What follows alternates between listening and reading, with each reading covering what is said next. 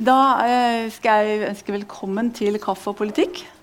Eh, og I dag så er det da spørsmålet om byvekst eller matjordvern. Er det forenlig, eller er det uforenlige motsetninger? Det skal vi snakke litt om. Um, velkommen til dere, og velkommen til eh, Simon Noranger og Fredrik Honning. Som kommer da fra hver deres side i denne debatten der, kanskje. Det finner vi ut av i løpet av kvelden. Eh, Kaffe og politikk er da for samfunnsengasjerte mennesker som er opptatt av lokaldemokrati og politiske temaer som berører byen vår. Som jo Matjord faktisk da gjør nå i enda større grad etter eh, 1.1., når vi blir en ny kommune. Og Grunnen til at uh, vi valgte dette temaet her i kveld, det er jo at den nye posisjonen har da vedtatt noe ganske drastisk i forhold til hva som har vært tidligere i forhold til matjordvern.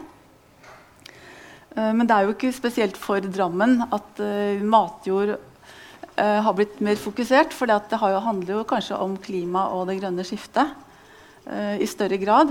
og Senterpartiet er vel noe jeg alltid har forbundet med jordvern og landbruk og den delen der. Og nå er dere blitt i større grad et byparti etter dette valget.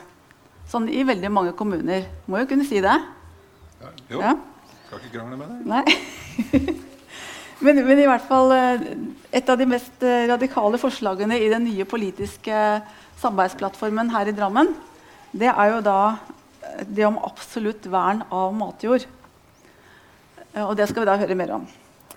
Men først så kan dere jo si litt om deres rolle nå etter valget. Du kan jo begynne fra Senterpartiet. Ja, Min rolle etter valget jeg har fått mange navn. så jeg Supergruppeleder. Supergruppeleder og Simon Noranger-funksjon har også blitt kalt. Det har vi har sett. Eh, men jeg er vel felles gruppeleder for posisjonspartiene. Ja, jeg eh, er eh, menig kommunestyremedlem, og så er jeg i tillegg medlem av formannskapet. Ikke sant. Um, og nå går vi inn i en ny kommune. Hva tenker dere er de viktigste kvalitetene som vi skal løfte fram når vi snakker om nye Drammen? Du begynner, eller skal jeg begynne? Godt begynner jeg. Ja. Uh, ja, For det første så er vi jo en veldig mangesidig kommune. Eh, vi er en landbrukskommune, og vi er en bykommune. Eh, og vi har et stort, et bredt kulturliv. Vi har et bredt idrettsliv. Vi har et bredt næringsliv eh, mangeartet eh, befolkning. Altså vi, vi, er på mange måter et Norge i miniatyr da, i nye, nye, Drammen. Og det, jo, det gir oss så store muligheter eh, i måten vi kan utvikle den nye kommunen på, fordi vi har veldig mange ben å stå på. Um, så jeg vil si det, det er, det er, eh, det er uh, bredden, den store bredden i Nye Drammen. Ja, du er flink til å samle opp. Nå har vi vel tatt alle sammen. Det Men det er jo som du sier, altså det er nyansene som blir viktige, nettopp fordi vi får så mange.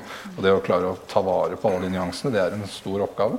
Og det er klart, det er derfor noe av dette står i det politiske standpunktet vårt, at vi vil verne matjorda. For det er ikke så mye som skal til før det er borte. Og da er vi en nyanse fattigere. Mm. Men i forhold til uh, nye muligheter, hva, hva, tenker dere om Drammen? Hvordan vil den utvikles i løpet av neste fire til 20 åra? Hva ser dere for dere? Nei, Honning ser vel fortsatt ikke skal skje så mye de neste fire åra, så han kan få lov til å utvikle det om fire år. det er mye som skal på plass nå. altså Bare det å etablere den nye storkommunen er en enorm jobb. og bare De første årene vil jo bli å få på plass strukturen for den nye kommunen, så man kan sørge for at alle de lovnadene som ligger i fellesnemndas arbeid, faktisk blir fulgt opp. Og at vi kan etablere et lokaldemokrati i hele den nye kommunen. Og at vi kan passe på interessene til de tre gamle kommunene når vi blir igjen. Og Det er nok der vi må begynne. Og så må vi se på hvilket potensial da de tre kommunene sammen faktisk utgjør i næringsmarkedet, i boligmarkedet og som kommuner generelt. Ja, og jeg tror, jeg tror, kanskje at det som er noe av utfordringen, det er at vi er litt uenige om retningen. eh, ikke nødvendigvis eh, du og jeg. Men eh, de to fløyene, da. Uh, fordi uh, det er klart at denne kommunen den er per 1.1.2020 sånn mer eller mindre tom for politikk. Med unntak av det som er lagt av, av føringer fra fellesnemnda og de få kommunestyremøtene vi har før nyttår. Og så skal man da fylle kommunen med politikk og strekke opp da linjene for hvordan kommunen skal utvikle seg. Ikke bare nå i fire år, men gjennom mange tiår og langt inn i, i fremtiden. Og der er vi der er jo ikke vi så glade for at det er andre som har kommet i posisjon. Fordi vi er redde for at de kommer til å utvikle da, den nye kommunen i en retning som vi ikke er fullt så fornøyd med. Du skal være med på laget. Det skal vi jobbe med. Eh, det er jo uttalt uh, til det kjedsommelige nesten at Drammen uh, trenger å vokse. Tiltrekke seg nye innbyggere, mer næringsutvikling, flere skattepenger. Veldig behov for vekst. men hva slags næringsvekst er det vi snakker om? Er, hvorfor? Altså nå, nå, er jo Drammen plutselig snart 100 000 innbyggere istedenfor 60 000. Vi er over 100 000. Ja. Uh, og, og er, det ikke si, litt elefantstykke her, eller er det helt nødvendig at vi vokser enda mer enn det? Der har vi, vi vært ganske nær hverandre i næringsdebattene tidligere. Så Premisset for å vokse legger jo bare opp til det at du har et behov for tilskudd for å klare de utviklingene som du møter. Da må man se på hva er det innbyggerne i nye Drammen trenger. Altså det, det, kan ikke være et mål i seg sjøl at du skal få økt antall innbyggere. Altså ja, du får økt skatteinntekt, men du genererer ikke noen nye verdi så jeg tenker at Man må først se på noe dekke behovet for Drammens innbyggere. og Der er arbeidsplasser.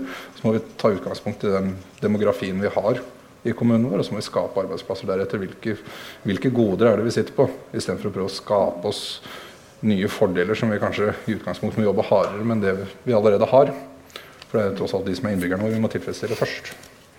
Det er jo mange, eller kanskje ikke mange, men jeg har møtt noen mennesker som, som uh, sier at Drammen var best i 1965. Og de ser ikke noen grunn til at vi skal vokse. De mener at det var det optimale tidspunktet for Drammen. Da var det akkurat passelig mengde mennesker, og alt var på stell. og Bilene kunne kjøre hvor de ville og alt dette her. Men, men eh, det er nok sånn at hvis man skal utvikle noe, så, så er det eh, Enten så, så, vokser man, eller så stagnerer man. Eh, og det er en tror jeg, ganske tverrpolitisk enighet om at det er greit å vokse på de riktige premissene. Uh, og det går jo på at vi må ha Det er ikke bare sånn at flere innbyggere betyr mer skatteinntekter, men det betyr også mye større utgifter. Til skoler, til infrastruktur, til sosiale kostnader, barnehager. Alt sammen. Eh, og hvis du da kommer i en minussituasjon, at jo flere du blir, jo dårligere blir økonomien, så er man jo litt ute å sykle. Så det er å finne den balansegangen, og som selvfølgelig Simon også er inne på, at vi, vi må jo ha et sterkt fokus på næringsutvikling på arbeidsplasser. Um, I hele kommunen. Ikke bare i Drammen sentrum, men også i det som i dag er Nedre Eiker og, og i Svelvik. Og det tror jeg vi er enige om. Ja, ja. Er det noen spesielle næringer dere har noe sånn personlige ønsker om? Altså, er, er, det industri à la gammeldags industri? Er det kreative næringer? Er det nye yrker? Det du ønsker deg vel i utgangspunktet en god sammensetning av nettopp ja. for å tilfredsstille mangfoldet i befolkninga. Men det er jo som forsøk nevnt at vi har en stor andel befolkning som har lite utdanning. Og der må det også komme en type arbeidsplasser som de kan engasjeres i. Vi kan ikke sysselsette størsteparten av befolkninga på å tømme søpla til de som har høyere utdanning. Det går bare ikke. Og da må man tenke næring og industri på flere nivåer. Vi må nok ha flere tanker i hodet samtidig. Vi hadde jo diskusjoner om det i valgkampen. For det er jo da noen som mener at uh, vi bare skal satse på ny, innovativ uh, virksomhet. Det har jo tidligere vært uh, tanker i Drammen om at mer eller mindre alle skal sitte foran en PC eller Mac. Og det er ikke der vi er i dag. Det er mulig, altså vi, vi, vi, må, vi må se fremover. Vi må planlegge, vi må ha innovasjon, utvikling. Eh, mer utdannelse, eh, mer kompetanse, satse på kompetanse, arbeidsplasser osv. Men samtidig så har vi eh, en stor befolkningsandel som ikke er i stand til å ta del i de eh, arbeidsplassene i dag. Og de skal også ha noe å gjøre. Det er, det, er noe, det er, ikke noe, positivt at en stor del av befolkningen da må gå på sosiale støtteordninger. Så, så, så jeg tror også det er noe som vi stort sett tverrpolitisk er enige, enige om. At vi må vi må klare å gjøre, gjøre, begge deler. Se fremover, være innovative, satse på utvikling. Og samtidig klare å beholde ikke minst de arbeidsplassene vi har. Lavkompetansearbeidsplasser i gåseøynene. Eh, og i tillegg også utvikle det noe videre. Nå som Drammen vokser og går fra Svelvik og til uh, grensen til Øvre Eiker, så er det ganske stort areal. Uh, og det blir jo si, næringsutvikling de, de, de, vokser jo utover de nye næringsbyggene. Da blir det jo behov for mer transport og sånn. Nå er vi litt på siden av matjordtemaet, men det er jo en del av et stort kompleks. At når det etableres næring f.eks. langt ute i Kobbervikdalen, eh, så blir det jo mer kjøring. Altså mer behov for bil, eh, transport, eh, infrastruktur. Er det måten å, å utvide byen på? Næringslivet i byen? Jeg kan kanskje si litt om det, i og med at jeg jobber litt med det òg. Det er jo sånn at det å legge kontorarbeidsplasser langt utenfor sentrum, det er lite formålstjenlig. Det er det lurt å ha ved knutepunktene og ved sentrale kollektivknutepunkter.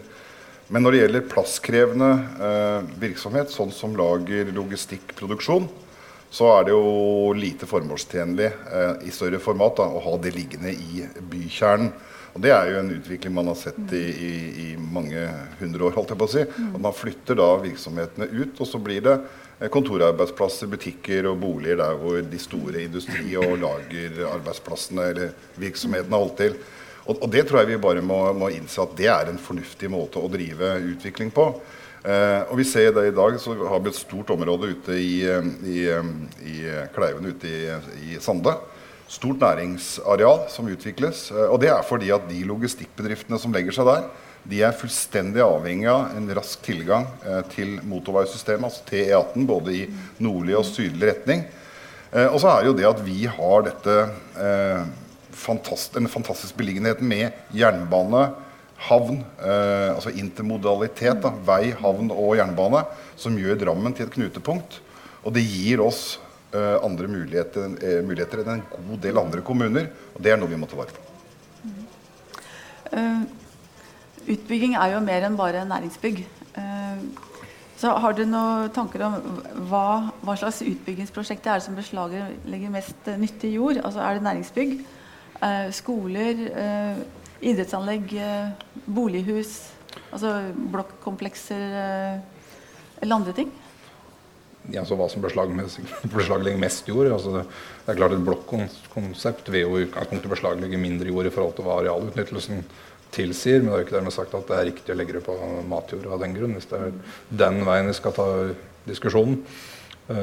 Så det, det, handler om prioriteringer. Altså du kan bare prioritere én ting. Altså Prioriterer du opp matjord, så prioriterer du bort noe annet. Og prioriterer du da opp boligbygging mot matjord, så taper matjorda. Så det er jo et verdivalg til slutt. Så det, det er ingen av, ingen av, alternativene som kommer bedre ut hvis du skal vekte dem opp mot matjorda. Og så har det jo skjedd en voldsom utvikling de siste tiårene Eh, altså Hvis vi går tilbake til 56-tallet, eh, så var det jo matjord, altså jordene. Der bygde man eneboliger. Alle fikk ett mål tomt, og så kjør i vei. Eh, med hjelp fra Husbanken. Eh, det er et tilbakelagt stadium. Så, så, det som i stor, stor, grad har blitt angrepet av matjord nå de siste årene, er jo mer tettbebyggelse, altså rekkehus, blokkbebyggelse. Eh, og så er det selvfølgelig næring og offentlige virksomheter. Men hvis du tar da f.eks. Ikea, da, som jo ønska å etablere seg flere steder i Norge. Nå har de lagt det på is, men bl.a. så vil de etablere seg ned langs E18 uh, nede i Vestfold. Uh, på en tonn på 75 mål. og, det var jo en, og det var på et jorde. Fin, god, dyrkbar matjord. og det ble et rabalder uten like, selvfølgelig. Men politikerne stort sett gikk jo inn for det, for de var så hissige på å få Ikea dit. Um, og der ser du den tradisjonen altså kommer man inn i de, de konfliktene. Hvor er politikerne på den ene siden? Vi har arbeidsplassene, inntektene, virksomheten. Og samtidig så har man jordvernet, som, skal, som, er viktig. Og den konflikten er egentlig den som vi er her litt for å prate om i dag. Uh, men jeg føler jo på sett og vis at mesteparten av dette er tilbakelagt. Det vi snakker om i dag, er vel egentlig at det forsvinner matjord til, nei, til uh, samferdselsprosjekter.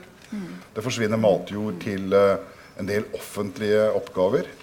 Uh, og så er det da mindre deler, altså mindre jordstykker, matjord, mm. som forsvinner i forbindelse med etablering av f.eks. nye byggeområder, næringsområder jo, men Det er jo det som er problemet. nettopp det At det forsvinner stykkevis og delt. altså Litt og litt og litt og litt og litt blir veldig mye. Og Hvis vi fortsetter i den hastigheten vi har, er nå da, nasjonalt, så er jo ikke et jordstykke igjen om 60 år. Hvis man skal følge det som er lagt opp til at dette kan man få lov til å ta hvert år, og det faktisk blir utnytta både til jernbane, til vei og til bolig stykkevis og delt, og til næringsarealer, så er det slutt. Da må vi begynne å produsere noe annet. Hamp i veksthus eller noe sånt. Nei, vi, vi må ikke det, Simon Noranger, for vi kan uh, nydyrke. Uh, og Da får jeg få lov å vise ja. noen tall, hvis, ja. hvis, jeg får lov til ja. det. Fordi sånn som I Norge i dag så har vi dyrka jord som er 11 millioner dekar. Mm. Uh, men vi kan dyrke opp i tillegg. altså Dette er ting som kommer fra offisielle myndigheter. Så kan man dyrke opp 13 millioner dekar i tillegg. Altså mer enn det man har i dag. Og hvis vi tar Buskerud, så er det i dag 468 000 dekar. Men vi kan dyrke opp i tillegg 578 000 dekar. I Drammen har vi det tror jeg gamle Drammen, 12 600 dekar. Og vi kan dyrke opp 4700 dekar til. Men så vi inn, skal vi gå inn på debatten rundt hva som er god matjord og dårlig matjord osv. Men det er ikke snakk om at vi i dag skal bygge ned matjord og ikke erstatte det med ny matjord. Eh, det å, å, å, bare bygge ned og si at dette forsvinner gradvis og fullstendig, det vil være helt feil. Og det tror jeg det er ganske tverrpolitisk. Ja, regnestykket går litt nettopp fordi at det blir ikke nydyrka nok til å kompensere for det man bygger ned. Og Hvis det hadde vært en reell politisk vilje for å nydyrke, så hadde man gjort det. Men det man gjør, er at man bruker potensialet for nydyrking som en unnskyldning til å bygge ned. Og da ender man opp med at man faktisk taper det regnestykket til slutt. Problemet er at uh, det å få lov til å nydyrke i dag, det er nesten umulig. Hvis du nydyrker et areal på 15 mål, så kan du gjøre det med egen gravemaskin uten noen større grad av tillatelser. Hvis det er over 15 mål, så må du bekoste bl.a. Uh, altså undersøkelser som er hist altså historiske undersøkelser. Og finner du én kokegrop fra steinalderen, så er løpet kjørt. Og det koster, det, det er, altså Myndighetene har på sett og vis lagt hindringer i veien for nydyrking. Eh, og Jeg hadde et hyggelig møte faktisk nå i sted med en eh, bonde fra Vikersund. Eh, som var helt oppgitt fordi han sa jeg har lyst til å nydyrke. Men for det første så koster det meg Jeg må forskuttere såpass mye penger for å få det til. Jeg må gjennomføre så store prosesser.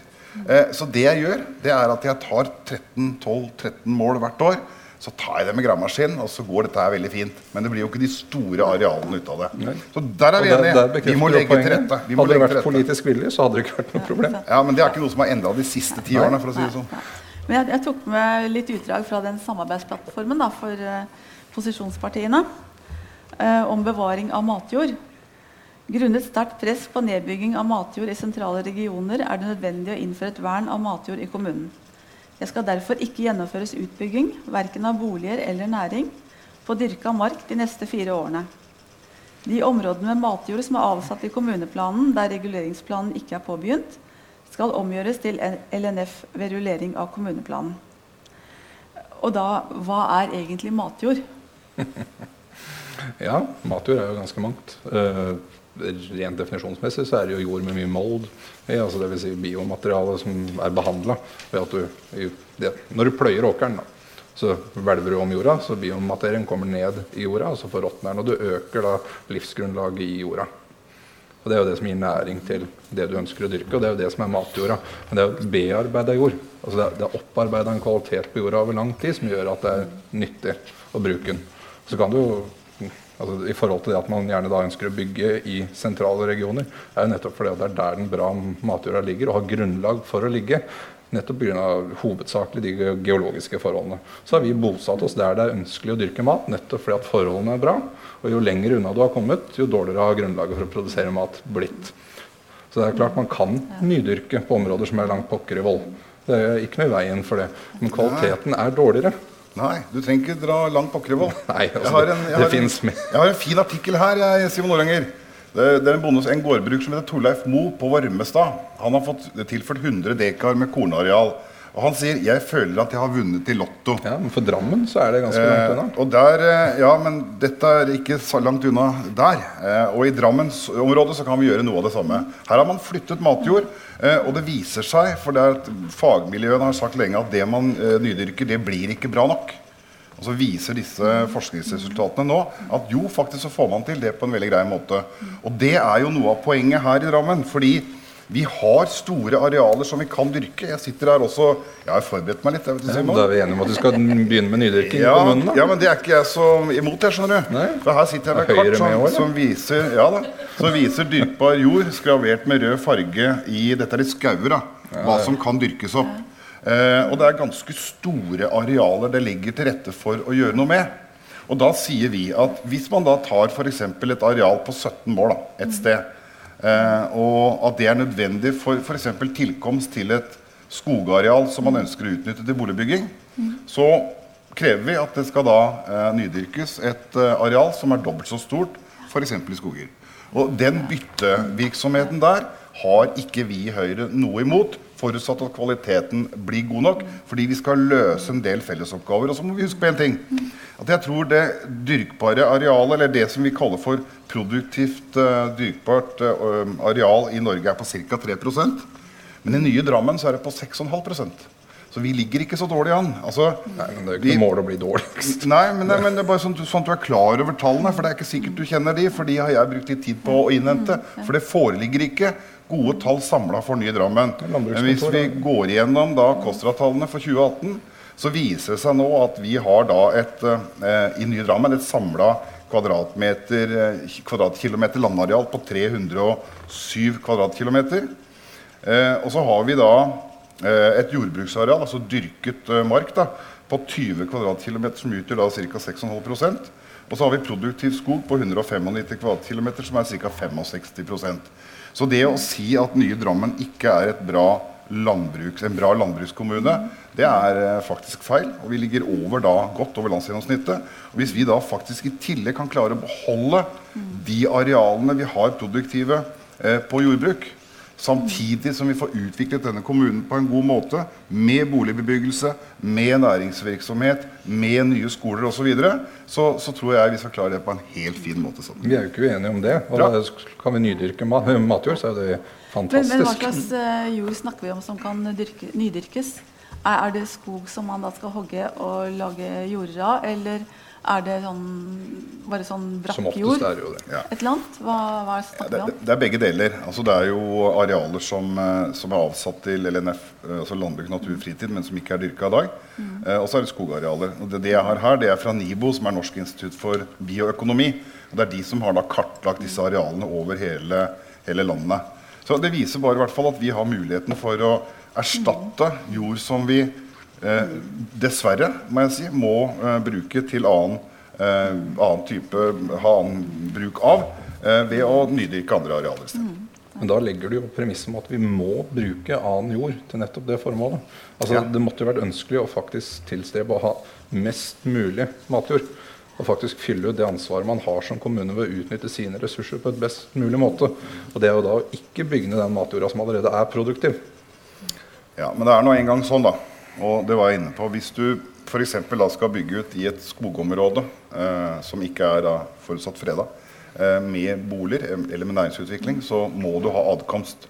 Og hvis adkomsten da kun kan løses via å kjøre over en liten jordflekk, eh, så mener vi at da bør den kunne erstattes et annet sted. Og det er også som, som han gårdbrukeren jeg prata med i dag, som han sier at hvis du har en liten sånn flekk innimellom et eller annet sted, så er det nesten umulig å drifte det på en fornuftig måte i dag med dagens uh, uh, landbruksredskaper og måter man driver jorda på. Uh, så, så, han, veldig, han var jo veldig positiv til at man da rett og slett skulle få bedre sammenhengende arealer. Og så at man faktisk da ikke er så opptatt av de småbitene som ligger i tisten og pisten, og som er tungdrevne. Men det er, noe, det er, ikke sånn vi sier at de skal vi bygge ut. Men jeg sier at i de tilfellene hvor det er nødvendig, enten av viktig samfunnsmessig årsak, å, å, å bruke det til noe annet, eller at det er adkomst osv., så, videre, så er man eh, villig til det. Og så må jeg da ta utgangspunkt i Senterpartiets eget program, som jeg sitter med her. Eh, og det syns jeg er bra. Og der står det følgende at der, altså jordvern Dersom særdeles presserende samfunnsmessige behov krever nedbygging av matjord, skal jorda erstattes gjennom tilsvarende nydyrket areal et annet sted. Og det er akkurat det jeg sier. Ja, men det er stor forskjell på det å ta en veismett fordi man har behov for avkomst til bakenforliggende areal, og det å aktivt bygge ned landbruksareal. Ingen som ønsker å aktivt bygge ned landbruksareal, så der er vi helt enige skjedd noe på kniven. Men det, det, har jo skjedd en dreining nå. Det har jo blitt mye mer fokus på matjord de senere åra, og særlig nå akkurat i det siste. Um, er det den grønne bølgen som slår over oss, som gjør det? At alle på en måte nå er fokusert på det? Jeg skjønner jo det at når man ser det at eh, både Miljøpartiet og Senterpartiet tjener store poeng på å nettopp gå inn på dette med matjord og sette fokus på det, så blir det populært hos mange andre partier òg plutselig være enig. Men nå har det jo vært en politikk i relativt mange år hvor man ikke har vært enig i nettopp de prinsippene. Så om det er en bølge som slår politisk fordi det lønner seg, eller om man faktisk har endra standpunkt, det vet jeg ikke. Men Nei, jeg må si altså, vi i Høyre, vi har i hvert fall i vårt program, så står det følgende Ivareta landbruksarealer til matproduksjon som ledd i arealplanlegging og næringsutvikling for å sikre fremtidig bærekraft. Eh, og Vi er ganske nøye på det med at vi skal bevare matjord. Vi er også opptatt av dette med markagrensa, som vi antakeligvis kommer litt inn på etterpå. Men, men du kan ikke du, du, du, hvis, vi skal, hvis vi nå er enige om da, at Drammen skal utvikle seg, nye Drammen kommune skal utvikle seg, så trenger vi flere arealer til boligbygging. Vi trenger flere arealer til næringsutvikling. Vi trenger flere arealer til skoler osv. Eh, og så er det noen politiske, eh, andre politiske partier som mener at vi skal bygge alt nede i sentrum her. Lykke til, sier jeg bare da. Det er ikke gjennomførbart. Men eh, nå, nå sa du at vi har 6 eh, matjord eh, 6,5%. som, som kan brukes her. Eh, I Norge så er det ca. 3% som er eh, brukbar dyrka jord. Og, og vi importerer jo veldig, veldig mye mat. Altså Fire av ti måltider som vi spiser, er produsert i Norge. Det andre er import. Kan vi ikke bare fortsette å importere? ja, beredskapstanken bak det å fortsette å importere, den er jo ikke veldig god. Så den kan man jo se på sånn som man vil. Eh, så ligger det jo en trygghet i den maten som er produsert i Norge. Altså, du skal jo ikke lenger enn til Sverige, egentlig, hvor de da i hovedsak får et stort tilskudd av dansk kjøttproduksjon inn i sin forsyning. Og det er, det er dårlig kvalitet på kjøttet, det vet man. Det er medisinert i høy grad, det vet man. Og jeg kan ikke skjønne at man ønsker å ta steget dit hen og begynne å importere det bare fordi man skal bygge ned det arealet som i utgangspunktet har vært det beste arealet å produsere mat på. Og det tror jeg i utgangspunktet ikke de fleste partiene ønsker heller, men det kan bli en lei konsekvens. Nei, Jeg er helt enig med deg, Simon. Uh, ja, hvis, vi tar, hvis vi ser bort fra noen sånne veldig liberalistiske partier et eller annet sted, eh, jeg skal ikke nevne det så, så mener jeg at alt bare skal styres av markedskreftene og tjoho. Så, så er jeg helt enig. Fordi vi har eh, et ønske om sjølberging i Norge i krisesituasjon. Og I tillegg, som du også var inne på, så har vi eh, en relativt sunn og god matproduksjon i Norge. Men så er det jo sånn da, at det er jo forbrukerne som i stor grad avgjør. avgjør. Og Vi ser jo da at kornproduksjonen vår veldig mye av den går jo til dyrefôr istedenfor å bli brukt til menneskeføde direkte. Uh, og Det går jo litt på kravene til kvalitet, bl.a. Uh, ja, på noen kor- korsorter særlig. da. Så, så det går jo litt på hvordan vi innretter oss også. Men det betyr ikke Hvis vi nå sier i dag at ok, den byggen som vi har, den er ikke god nok, så den går til dyrefôr, så kan det jo godt hende at om 20 år så er situasjonen i verden av en sånn karakter at det er bedre da å bruke den byggen til å lage eh, mat direkte til, til folk. Men den byggen må vi jo da uansett produsere, hvis ikke så faller jo selvforsyningsgraden i kjøttproduksjonen så drastisk at altså, vi ligger jo i dag på en 40% i selvforsyning, og bare det er jo latterlig. Ja, det er. Det- det står jo på om det var, jo, I kommuneplanens arealdel i Drammen kommune så står det at eh, i overkant av en tredjedel av eh, de, tre, de 6 prosentene eh, er egnet til matkornproduksjon. Det er jo ikke veldig mye, da. Nei, Det er Norge generelt. og Det, Ja, ikke sant? Det gjelder jo det store hele. sånn er det. Men det er jo ganske dramatisk hvis noe skulle skje ute i verden eh, der hvor vi importerer mat fra. Og det kommer jo fra veldig mange forskjellige steder. Ja, men Du skal jo ikke noe lenger tilbake enn i år for å se at man faktisk får matmangel når det er dårlig år. Dårlig år. Og det er jo Landbruksdepartementet har jo allerede meldt at det er råvare, eller matvaremangel nettopp pga. dårlig sesong. Syns dere det er et paradoks at Drammen er en, en bykommune foreløpig og er så fokusert på å dyrke mat? Jeg regner med at flertallet har en interesse av mat. Det, det er ikke upopulært, og det kommer ikke til å bli upopulært. Nei, men, men det er jo ikke helt sånn heller. For at, eh, jeg var jo så heldig at jeg har sittet som komitéleder nå i fire år. Og vi utarbeida i 2016 Det vil si det var ikke vi som gjorde det, det var jo eh, byråkratene i kommunen som gjorde det. Eh, men på oppdrag av oss i komiteen, da landbruksplanen for Drammen kommune. Ja, den er så fersk som da fra juni 2016. Og Drammen er faktisk en ganske, som det fremkommer også, ikke bare nå etter at vi slår oss sammen, men før vi, altså i dagens Drammen, så er Drammen en vesentlig landbrukskommune. Med store landbruksarealer, særlig i skoger. Eh, og det har vi tatt inn over oss politisk, og derfor så lagde vi denne nye landbruksplanen da i 2016. Fordi vi ønsker videreutvikle og ta vare på landbruksdriften. Vi slo oss sammen med Skoger i 1964, 64, det det? så det er litt seint. Nei, Vi har hatt landbruksplan Ja, men den det. burde jo vært mye bedre for lenge siden. Nei, Det- ja. vi har Men, ned så mye at men det- nå har vi gjort så god jobb, Ja, okay. så nå blir det bra. Nå blir det gode tider. ja, det ja, er ja. Det, det snakkes jo om næringsutvikling, da, byvekst og næringsutvikling, men, men bønder er jo også næringsdrivende. Absolutt. Sånn, Det er jo en av de store primærnæringene våre. Så, mm. Men primærnæringen har i altfor stor grad blitt tillagt, tillagt altfor liten grad av viktighet når man diskuterer næringen i det store bildet. Nettopp fordi at man ikke har sett verdien i primærnæringa. Altså det den produserer, det har en mye større verdi enn det vi klarer å se i kroner og ører. Den realiserer ikke noe stor verdi der og da, men som vi var inne på i stad, beredskapsdelen av det f.eks., det er en kjempeverdi. Men den er lite målbar. Men det er jo da en, en eh, Jeg skal ikke si det er kamp mellom, men det, er, det nærmer seg vet, mellom bønder som næringsdrivende og annen næringsutvikling i forhold til eh, hvem som skal bruke de forskjellige jordområdene. Nei, jeg tror ikke det. Ja, man må jo da dyrke opp noe nytt eventuelt for å kunne kompensere for det som da disse store Ja, man legger til rette for at der det faktisk Kanskje? er ønskelig at man etablerer produksjonsnæring, at de får helt tydelig definerte arealer. Men at her er det faktisk mulig å utnytte arealene til deres formål, og ikke by på rubbel og bitt. For det er ikke ønskelig å by på rubbel og bitt. Nei, jeg tror, det, jeg tror nok den tiden er forbi hvor det kommer til å skje en massiv nedbygging av landbruks, altså dyrka landbruksareal i, i Drammen og Drammensområdet. Ja, og nasjonalt, uh, for så vidt. da. Og egentlig helt uavhengig av dere. For det hadde skjedd uh, uansett. Uh, for det er ingen politiske partier med, med respekt for seg selv i dag som sier at la oss bygge ned matjord i stort monn. Det, det ville være helt gærent. Så, så det, det er litt sånn konstruert problemstilling, dette her. For vi er egentlig ganske enige. Men vi er litt uenige om virkemidlene, eh, og at vi faktisk må ha litt fleksibilitet. Eh, I motsetning til da nå eh, denne nye regnbuealliansen, som vi kaller dem. Som da har funnet ut at de skal eh, også kaste på båten alle gamle planer om eh, utvikling av bolig- og næringsområder i, i, den nye kommunen. Eh, og det er klart det kan få dramatiske eh, effekter. Fordi det er jo eh, store områder nå som det er lagt ned store ressurser i, økonomisk også eh, i forhold til å utvikle. Eh, det kan avstedkomme søksmål, hva vet jeg. Vi kan komme i en situasjon hvor vi ikke klarer å tilby de bolig- og næringsområdene som er vesentlige for at vi skal tiltrekke oss de riktige i gåseøyne, eh, innbyggerne og få den næringsutviklingen vi ønsker. Eh, så jeg er jo veldig redd for nå at man går inn i en sånn stillstandsperiode i fire år. Altså at man mer eller mindre overbyråkratiserer.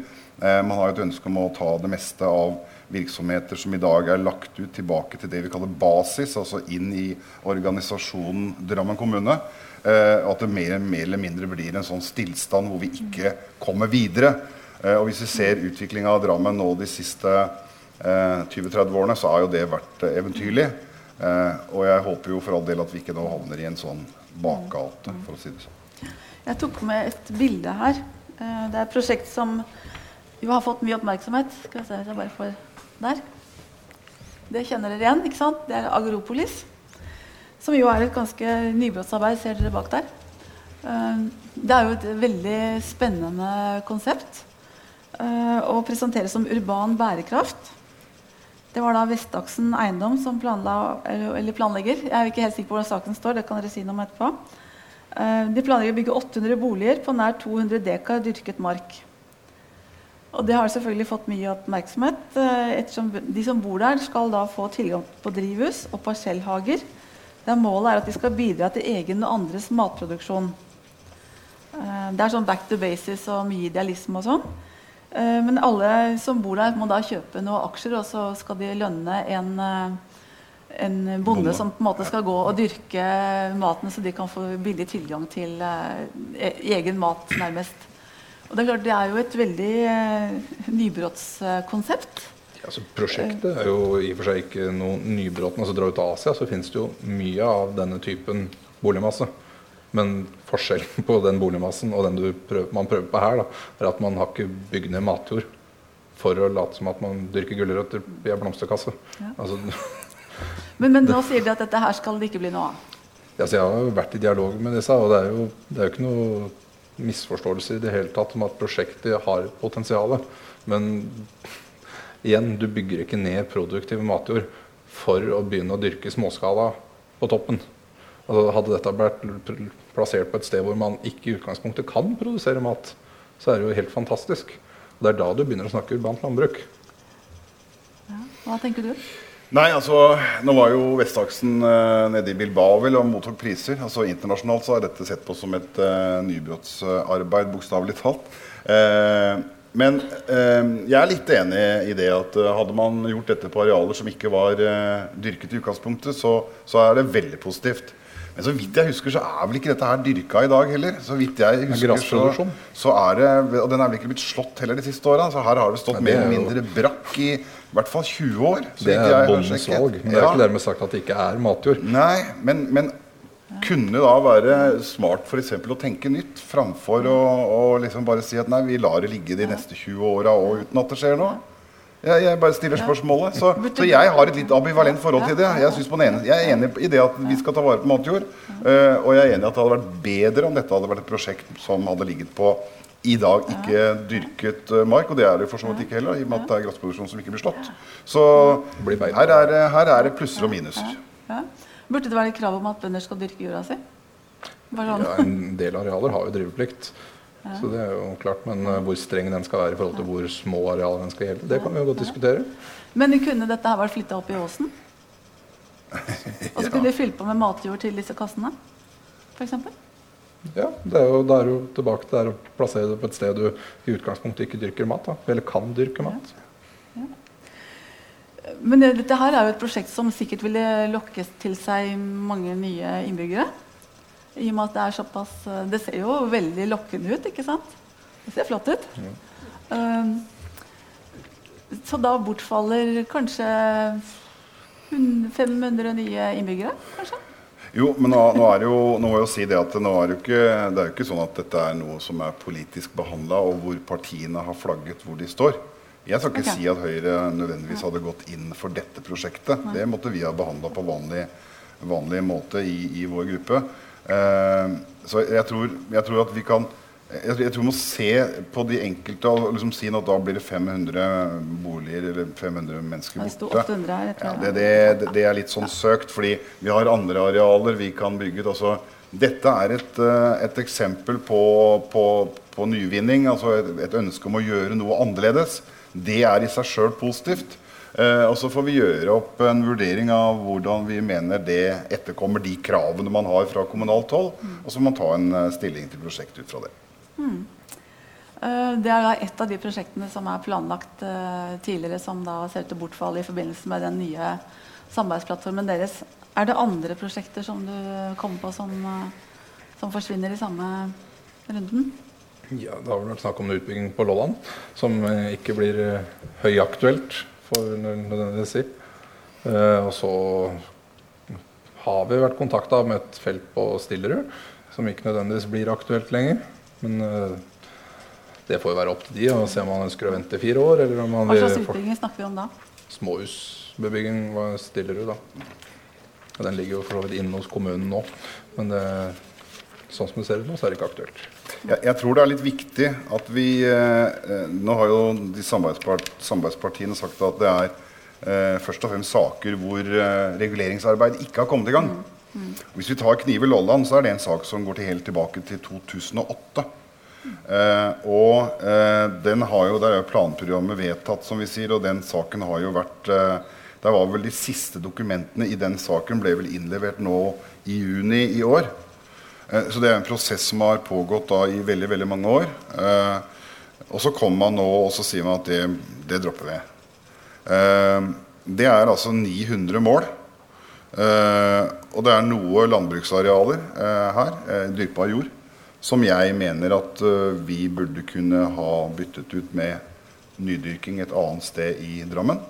For å få realisert dette kjempeviktige prosjektet hvor vi hadde sett for oss at det skulle bygges familieboliger, som vi har skrikende mangel på i Drammen. Altså rekkehus og, og uh, mindre, altså lave blokker osv. Men ikke da eh, luksusleiligheter for 50 pluss, og heller ikke da eneboliger. Eh, men det har vært stor motstand for dette prosjektet, særlig fra Miljøpartiet De Grønne. Fordi de mener at det ikke da ligger nede i Elvedalen nær kollektiv, eh, om kollektivtransportknutepunkter. Eh, og så kommer da nå Senterpartiet fra sidelinja selvfølgelig og sier at eh, vi vil også verne matjorda. så da blir jo det flott. Selv om Arbeiderpartiet har gått inn for dette, og det er helt i tråd med Arbeiderpartiets program i forhold til å utvikle nye boliger for Drammens befolkning. Så jeg er spent på det. Jeg, jeg syns det er trist. Jeg mener at vi burde her satt oss ned sammen eh, og funnet løsninger for å finne annen jord som vi dyrket opp, eventuelt at vi reduserte omfanget av reguleringsplanen, men at vi nå skal droppe den helt og fullt etter så lang tid og så viktig for, for Drammen, det, det skjønner jeg ikke. At Senterpartiet kommer inn fra sidelinja og står for jordvern, det er vel ikke ja, dere har ikke vært i posisjon? Nei. Det er en helt annen ting. Og at det er potensielt areal her som det går an å bygge på. For all del. Bra. Da er vi enige. Um, tilbake til Agropolis. Så sa daværende leder for Vestaksen Eiendom, Morten Hotvedt, at plan- og bygningsloven bør endres etter hans mening, slik at utbygger blir pliktig til å flytte matjorda om de skal ta i bruk dyrket mark. Er det så enkelt? Å flytte matjord? Ja. Nei. Det Hvorfor ikke? Det er såpass mange forhold som ligger til grunn for at den matjorda som er der han er, faktisk er som han er. Og det å bare røske opp jorda og flytte på den og legge den et annet sted Tanken er god, men altså, først så er vi inne på nydyrking. Eh, det er absolutt en mulighet. Men at den jordkvaliteten som du tar med deg, beholder den samme kvaliteten der du plasserer den, det er ikke noe selvfølge. Altså det er jo geologiske forhold som ligger til grunn at matjorda er sånn som den er. Og den gir produksjonsgrunnlag for det som er der. Og Det er en grunn til at bønder dyrker det de gjør på de arealene man har. Det er jo ikke nødvendigvis fordi det er det man absolutt har lyst til å dyrke. Og det er fint at uh, noen har en gladhistorie, men det er ikke nødvendigvis realiteten.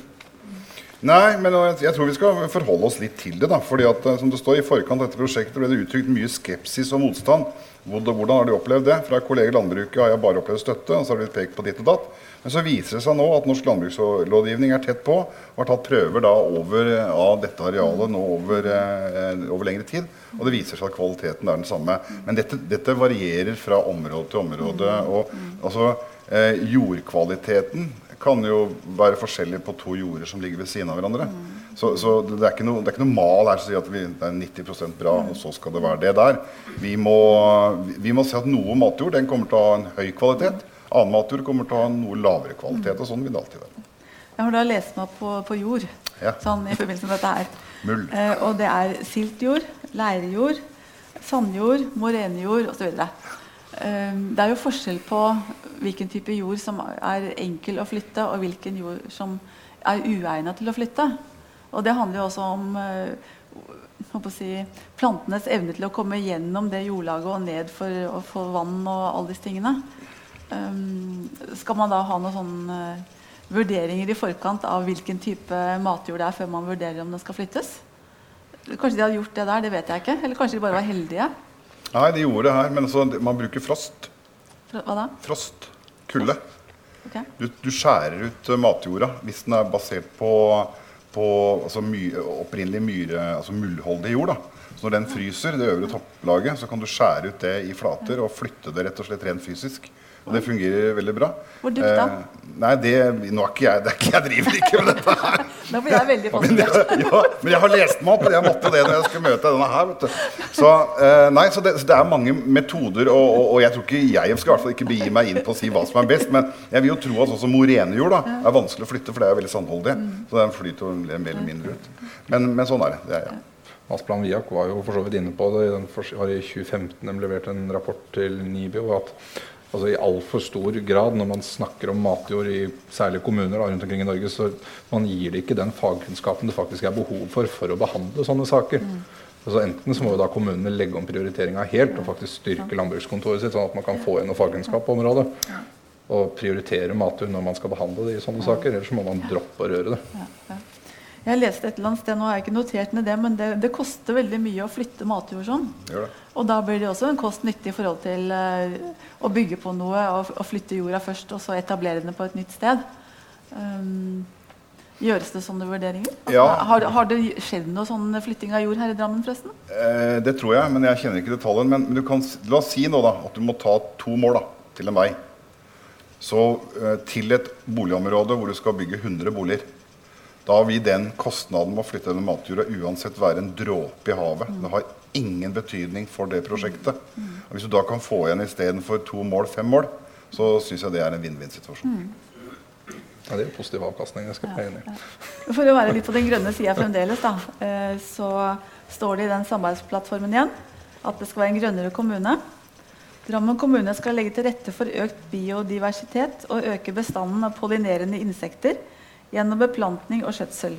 Det skal lages en egen bieplan og biomangfoldsplan for hele kommunen.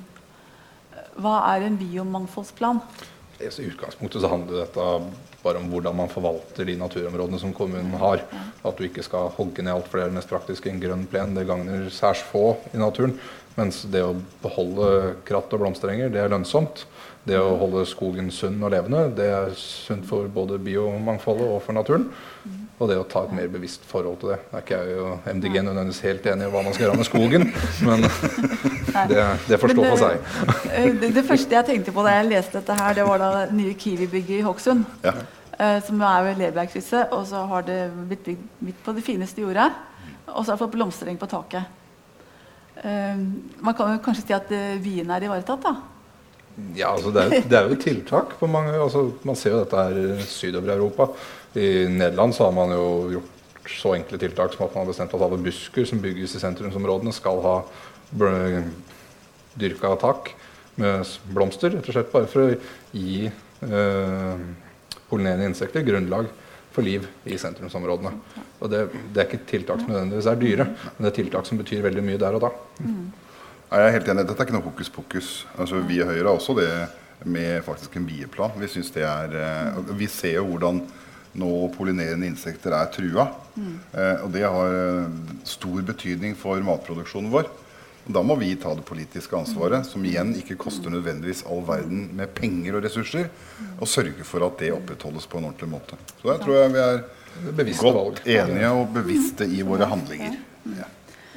Um, det står også i, i plattformen at miljøet skal vektes minimum 30% i kommunale anbud. Uh, miljø, det er da også jordvern. Ja, altså Eller- vek Vekter du jordvern, så blir det vekta 100% så sånn Ja. sett så har du Ja, oppfylt den kvota da. Ja, ja. Det, Jeg går vel mer på at man, eh, sånn som jeg har lest eh, plattformen eh, til eh, det, som Regnbuealliansen, så, så er det jo Den første sida er vel ren MDG, altså utdrag av MDGs eh, program. Eh, og det er klart at alt der er jo kjent stoff. eh, og de kravene som de kom med der, de, de er jo greie, de. Eh, det er klart det vil koste penger, men det vil jo da supergruppelederen komme til å måtte holde på med. nå har jeg og Ståle snekra sammen den forsida sammen. Det er ikke bare Ståle. Okay. Men uh, nå er det Det var skuffende. store forventninger til, eh, til eh, næringsutvikling i Drammensregionen. Um, og Næringsforeningen hadde jo senest i dag et innlegg i Drammens Tidende.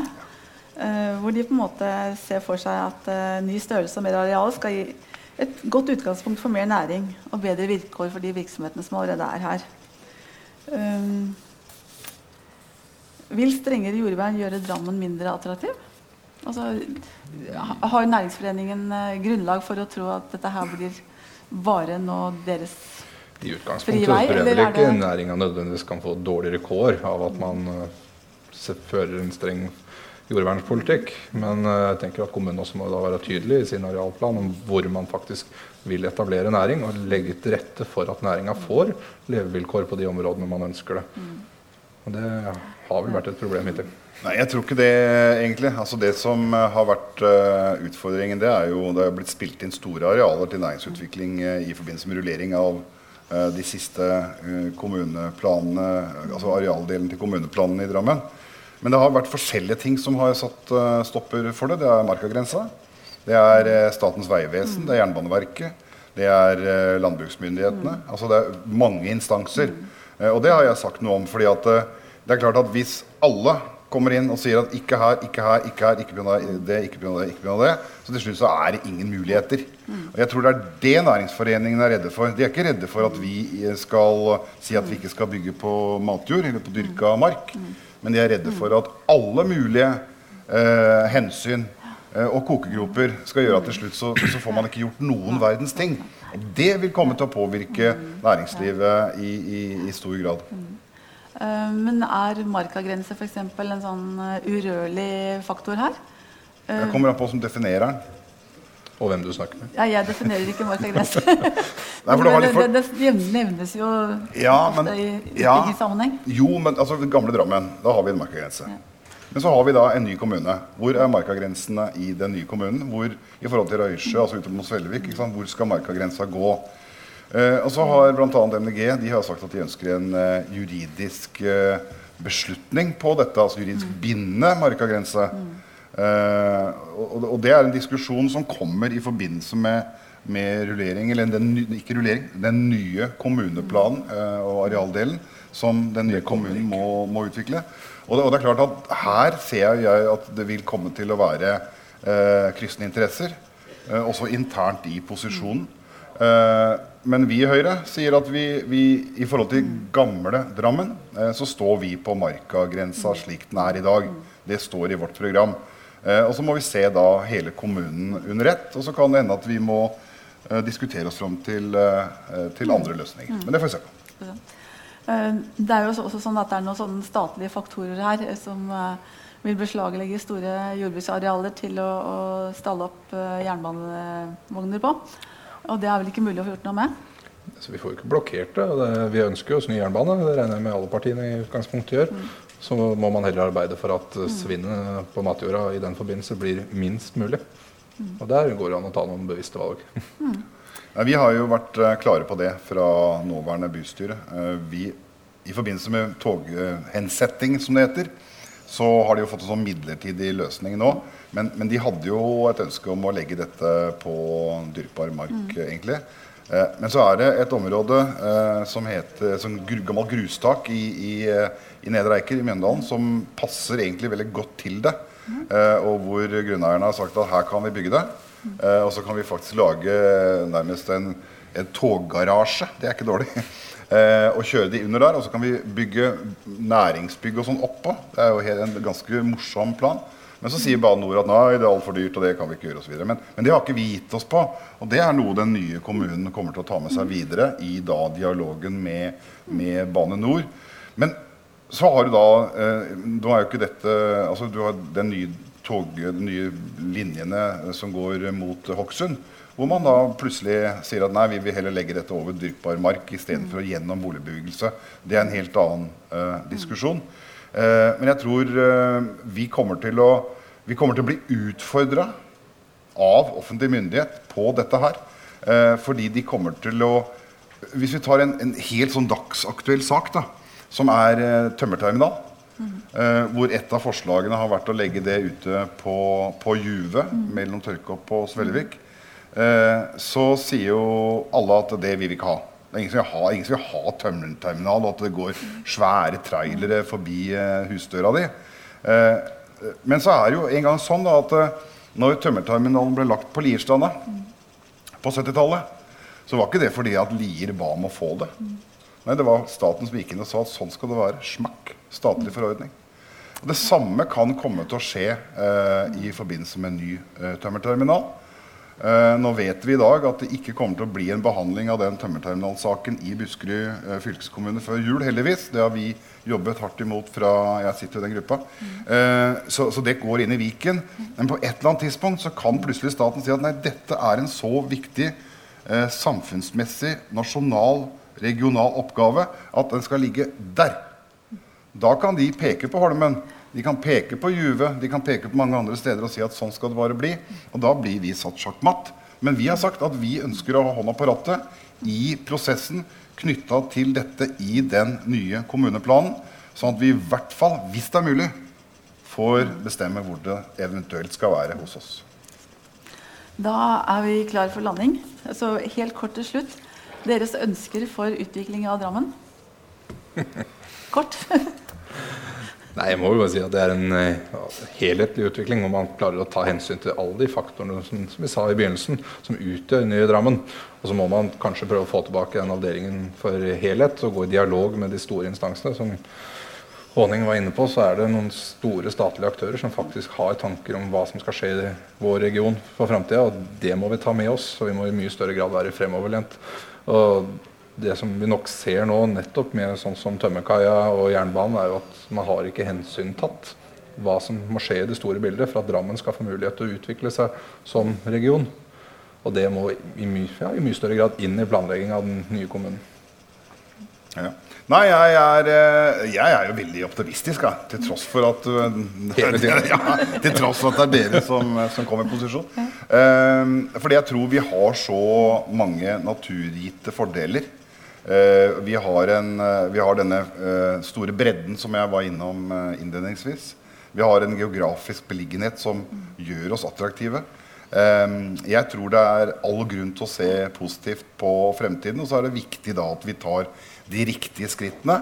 At vi samarbeider både, og dette dette er mantraet jeg har, næringslivet, befolkningen, kommunen, det politiske miljøet, alle de politiske partiene. At vi drar lasset sammen.